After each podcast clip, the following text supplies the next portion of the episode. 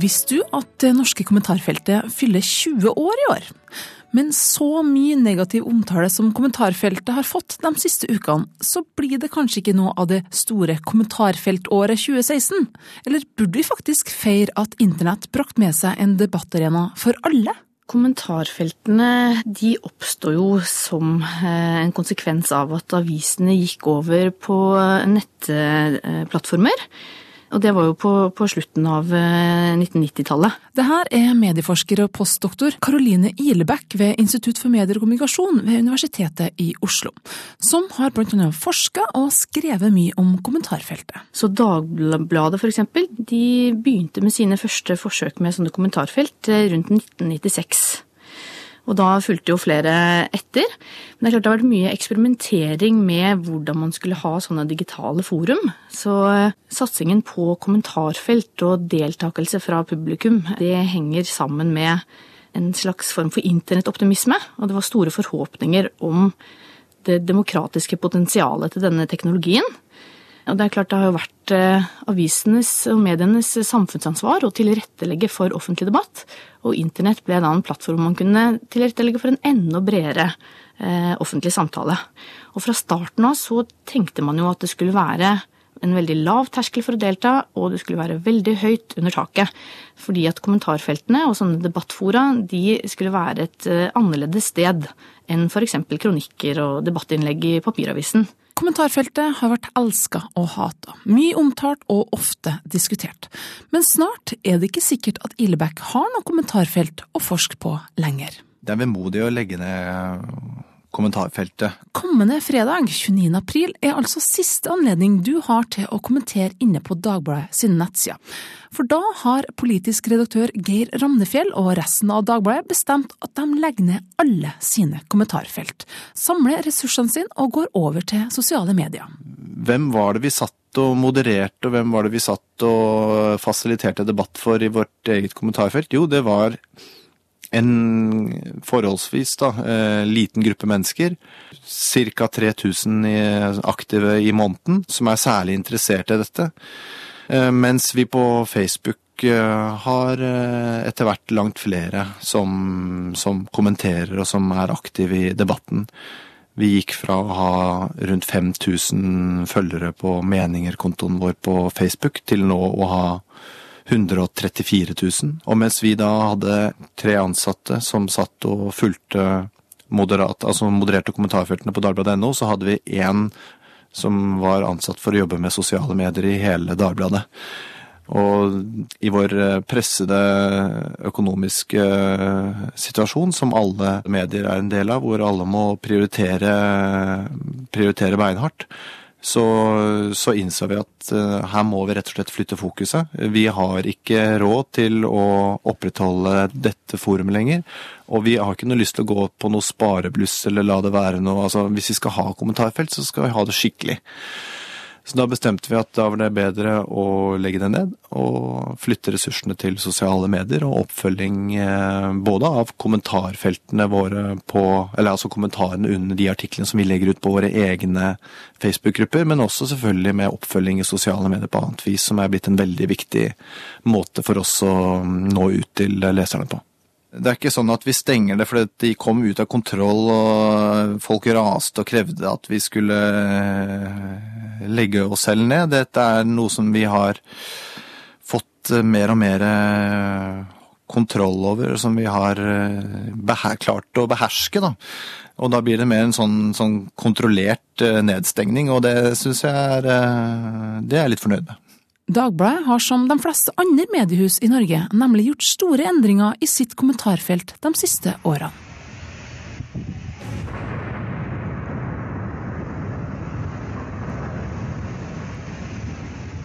juli 2011 ble en spesiell dato på mange måter og områder. Men for norske kommentarfelt ble det også et vendepunkt. Når denne hendelsen eh, fant sted, så eh, oppsto det ganske stor panikk i en del redaksjoner. Det var stor usikkerhet om hva som skjedde, og også om hva som skjedde, hva som kom til å skje i kommentarfeltene, hva folk kom til å si. Etter 22. juli så innså vi at vi hadde et problem med kommentarfeltene våre. Rett og slett fordi vi ikke hadde god nok oversikt. Fram til da så hadde det vært en sånn, litt sånn ansvar for egen eh, moderering i kommentarfeltene, men også selvfølgelig eh, viss årvåkenhet hos vaktsjefer som eh, fulgte med på betente saker, altså saker som omtalte typiske temaer som, som, som kunne trigge følelsene i kommentarfeltet. Vi forsto at nå var definitivt tiden kommet for at vi måtte eh, lage et system som var eh, mer vanntett, og som tok på alvor det ansvaret vi hadde for å redigere og moderere kommentarfeltet på dagbladet.no. Og Sånn sett så um, innførte flere redaksjoner strengere kontrollmekanismer i uh, debatten i etterkant av 22. juli. På vg.no så bytta vi fra noe som heter Discuss til Facebook Comments, og det gjorde vi dagen etter 22. juli. Da var det planlagt at VG skulle skifte over fra Discuss til Facebook en god stund, men uh, det som skjedde den dagen, gjorde at det ble framskynda. Så alle kommentarfeltene på VG ble stengt 22.07. Eh, fordi det ble for mye å håndtere, rett og slett. Og så ble, når de ble åpna igjen eh, dagen etter, så var det med Facebook Comments, og siden så har vi hatt det.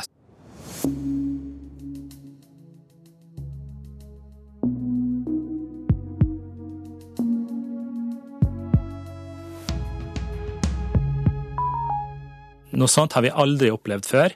Vi har hatt saker om Anders Behring Breivik, vi har hatt saker om terror i Paris og Brussel. Vi hadde noen ganger kommentarfelt på grovt underslag og bedrageri og sånn. Og vi har aldri noensinne hatt så mye elendig oppførsel som vi hadde i det kommentarfeltet.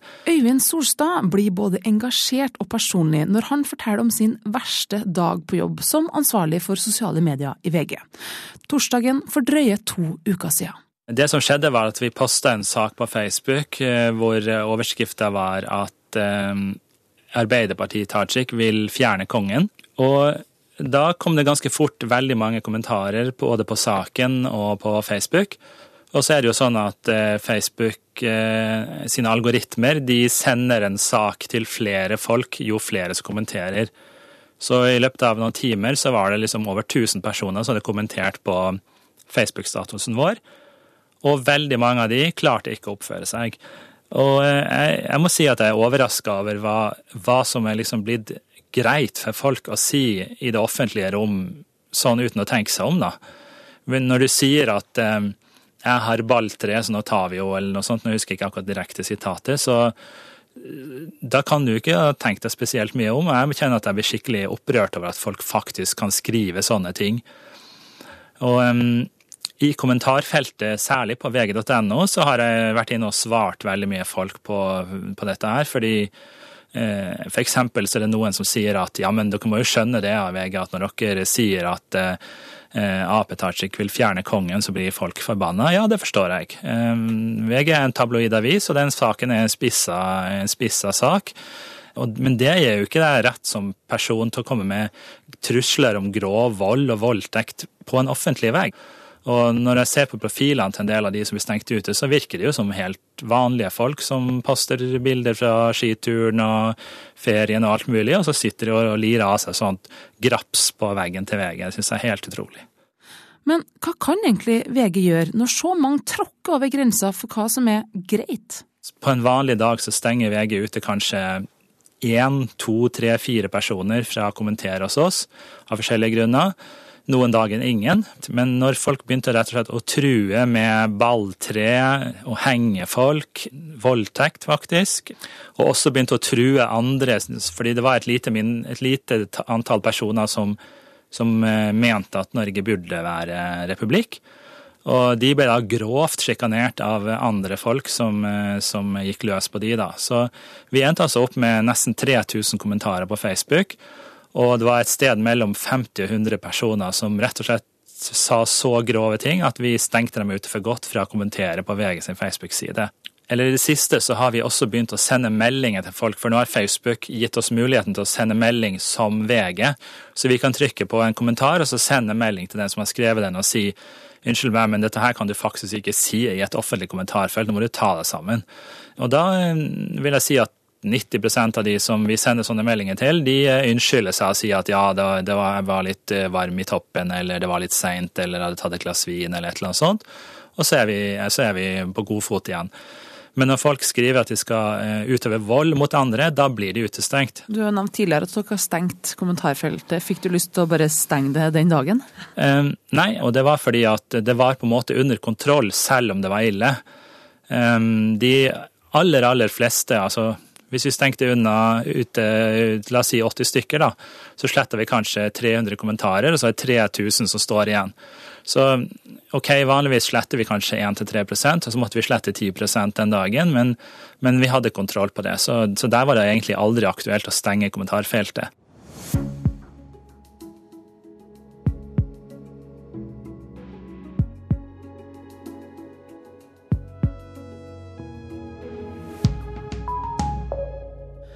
Tajik-saken nærmest eksplodert på Facebook-sida til VG. Hvorfor ble akkurat den debatten så heftig? The Guardian de har eh, analysert rett og slett alle kommentarene de har i kommentarfeltene sine. Og de ti sakene som førte til flest slettinger og utstengelser, så vidt jeg husker, så var det åtte saker hvor det var kvinnelig skribent, og to saker hvor det var eh, svarte, som de kaller det, da, som skrev. Så altså kvinner og svarte, da blir det hetsing og usaklighet i kommentarfeltet. Eh, og det ser vi også hos oss. Saker eh, med Erna Solberg, eh, Grande, Tajik, Listhaug får veldig mye mer stygge kommentarer enn saker der det er mannlige politikere som, som gjør et eller annet eller uttaler seg. Så min påstand er at en del norske menn har et lite problem med at kvinner gjør ting i offentligheten fortsatt. Og det er jo litt synd når vi tross alt er i 2016. Hadia Tajik er både kvinne og har et etternavn som ikke slutter på urnorske sen. Og det, i kombinasjon med monarkikritikk, ble nærmest eksplosivt inne på VGs kommentarfelt på Facebook. Men denne uka kunne vi høre Venstre-leder Trine Skei Grande i sin tale til landsmøtet, der hun gikk ut og oppfordra det norske folk til å bli med på en dugnad for å stoppe netthetsen, som hun sjøl har opplevd. Og hun ser også at hun som kvinne blir mye mer utsatt for netthets. Ja, det, det er helt soleklart. altså, du kan bare se Når vi diskuterte monarki i Stortinget, så var en av dem som holdt et flammende innlegg for å avvikle det, var Sveinung Rotevatn fra Venstre. Jeg vet ikke hvor mange ekle meldinger han har fått. Men eh, ei som ikke hadde ordet, men som bare stemte, nemlig Haja Tajik, fikk da masse dritt. Så det er veldig stor forskjell på, på kvinner og menn også, hvordan man eh, hva man f.eks. har lov til å omtale av kropp og seksualisering og, og alt det. Det henger nok helt soleklart sammen. Og det som er sånn skremmende for meg, da, det er at eh, altså vi som er partiledere og holder på i politikk lenge og sånn, vi må tåle mer enn andre, det mener jeg. Men hvis du er 15 år og engasjert i lokalpolitikk i kommunestyret, eh, så er det Det vil skremme bort veldig mange fra politikken hvis vi fortsetter sånn som vi gjør nå. Mm. Får du av og til lyst på å bli mannlig, lavt profilert politiker? Nei, men av og til har jeg lyst til å reise hjem til folk og holde opp mobiltelefonen og be dem om å lese det opp i trynet på meg, det de har skrevet, og klare å stå for det. Det har jeg hatt lyst til mange ganger. Skei Grande sier at hun ikke lar seg påvirke lenger. At hun må tåle litt. Men har hun alltid vært like hardfør mot de verste kommentarene? Nei, Jeg er jo kjempeglad for at det aldri var noe kommentarfelt når jeg var 14 år og engasjerte meg i lokalpolitikken i hjemkommunen og, og har masse, sikkert også kontroversielle meninger. For da fikk jeg prøve meg og fikk lære meg å sile eh, mellom god og dårlig debattkultur, før jeg liksom ble utsatt for det som man blir utsatt for nå. Og jeg merker det jo at partiorganisasjonen blir helt annerledes, fordi at når vi før hadde unge politikere som sto opp for noe, så, Så kom vi liksom en par hyggelige heiarop, og så klarte de seg. Men nå er det litt sånn, står du i en skikkelig konflikt som ung politiker i dag, så må liksom hele støtteapparatet inn og hjelpe til. Og passe på å støtte folk gjennom den debatten de står i. Eh, og det er et utviklingstrekk jeg ikke syns er noe bra med den politiske debatten. Og nå ønsker venstrepolitikeren en fellesdugnad for å renske opp i det rå debattmiljøet hun mener har oppstått i det norske samfunnet. Men tror du virkelig at de som står for den verste netthetsen, vil være med på det? Nei, det tror jeg ikke. Jeg tror det er mange av dem som har problemer med seg sjøl og sin eh, Det har jo mye av undersøkelsene vist at det er folk som, eh, som bruker dette for å egentlig få ut andre frustrasjoner. Men da er utfordringa å klare å kanalisere de frustrasjonene rett. Så bak skjellsordene så er det mye frustrasjon. Og kanskje de bør læres til å flytte fram den frustrasjonen til noe konstruktivt som det kan gjøres noe med. Ikke bare å eh, kritisere utseendet eller andre skavanker folk har. Kommentarfeltet ble kanskje ikke den breie debattarenaen for alle, som man forestilte seg for 20 år siden. VGs Øyvind Solstad forteller at i snitt er det kommentarfelt på 92-93 av sakene deres det siste året. Og når man leser og hører om alt, unnskyld uttrykket, altså, men dritten som er i kommentarfeltet, så må man jo stille spørsmålet i de her trange medietider. Hvor store ressurser er det snakk om på de her eh, moderatorene som sitter og passer på? Vi har i VG sånn sted mellom 15 og 20 personer som jobber med moderasjon men de jobber eh, ikke samtidig. Så det er en eh, turnus, og det er ikke noe sånn kjempegodt betalt jobb, så vi bruker ikke store ressurser på dette. Er det rett bruk av avisa sine ressurser og nærmest må sitte barnevakt i kommentarfeltet når så mange stillinger må kuttes ellers? Um, alle norske store mediebedrifter poster ganske mye på Facebook. Så allerede ved å poste saker på Facebook, så må man moderere det. Hvis man ikke skal på, ha kommentarer på ting, så kan man rett og slett ikke poste det på Facebook. Og um, det har jo skjedd et skifte de siste årene på, fra at eh, færre kommenterer på eh, nettsida vår, og flytter seg over til å kommentere på selve Facebook isteden, på, på VG sine oppdateringer. Og da må vi ha moderasjon der òg, fordi vi, mener at eh, vi har like stort ansvar for å passe på at folk oppfører seg bra mot hverandre og, og mot eh, samfunnet på VG sin Facebook-vegg som vi har i kommentarfeltet under sakene våre. Eh, om folk truer hverandre med vold inne på vg.no eller på VG sin vegg, det går ut på ett. Og vi har en juridisk betraktning rundt det som sier at sånn eh, juridisk sett så er det nesten likedan. Det er noen små, små nyanseforskjeller der, men med det store hele så er det likt. Så derfor så, hvis vi skal bruke sosiale medier til å spre det innholdet vi faktisk lager, så må vi moderere det. Og hvis vi ikke skal moderere det, så kan vi heller ikke poste ting på, på Facebook.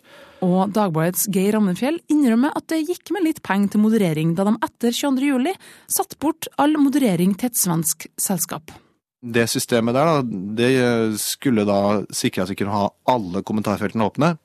Eh, og det beløp seg vel til en til slutt til omtrent halvannen million kroner i året.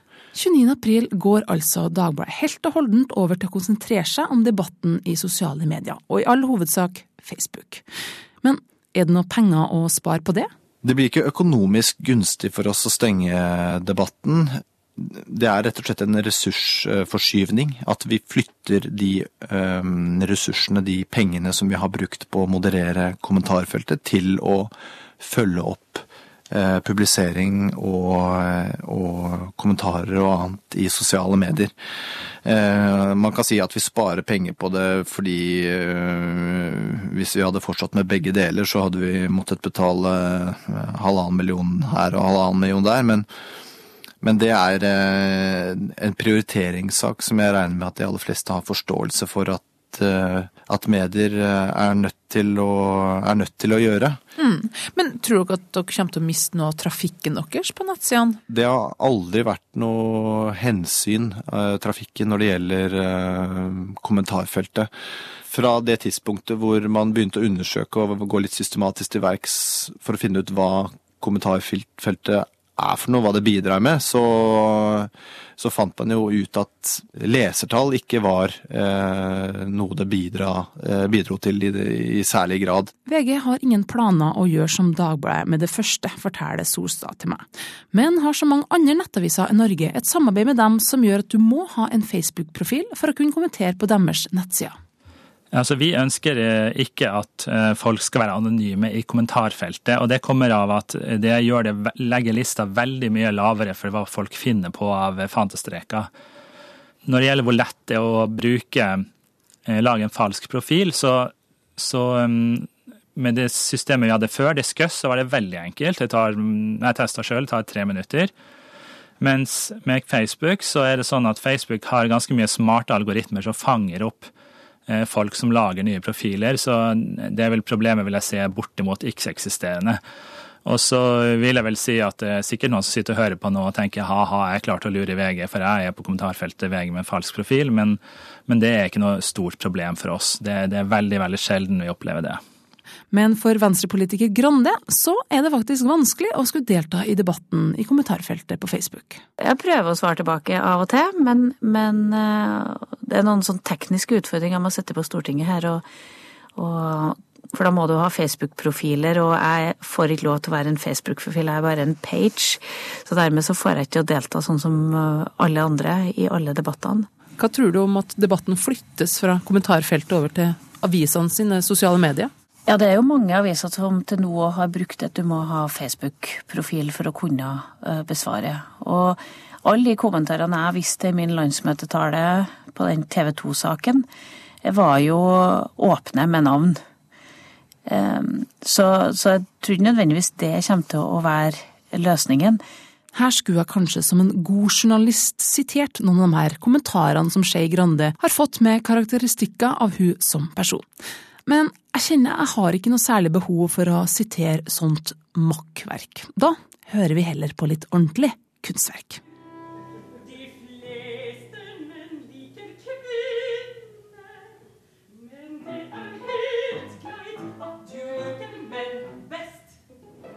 Jeg er far,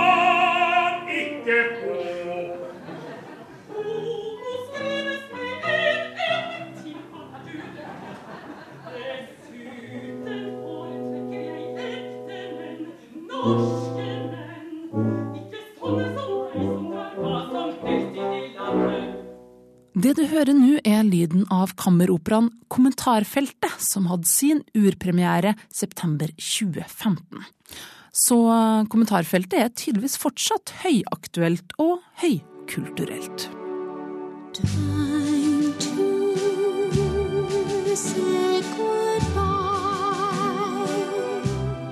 Hvis Dagbladet mener at tida er over for kommentarfeltet på nettsida si, hva tror politisk redaktør Ramnefjell om framtida til kommentarfeltet generelt? Det blir vel kanskje mer et, sånt, et, et, nisjeprodukt eller et, et, spesialorgan som noen satser på, mens det som en sånn, som en sånn eh, eh default-løsning med kommentarfelt under artiklene, alle under alle artikler, det, den tiden er nok eh, forbi.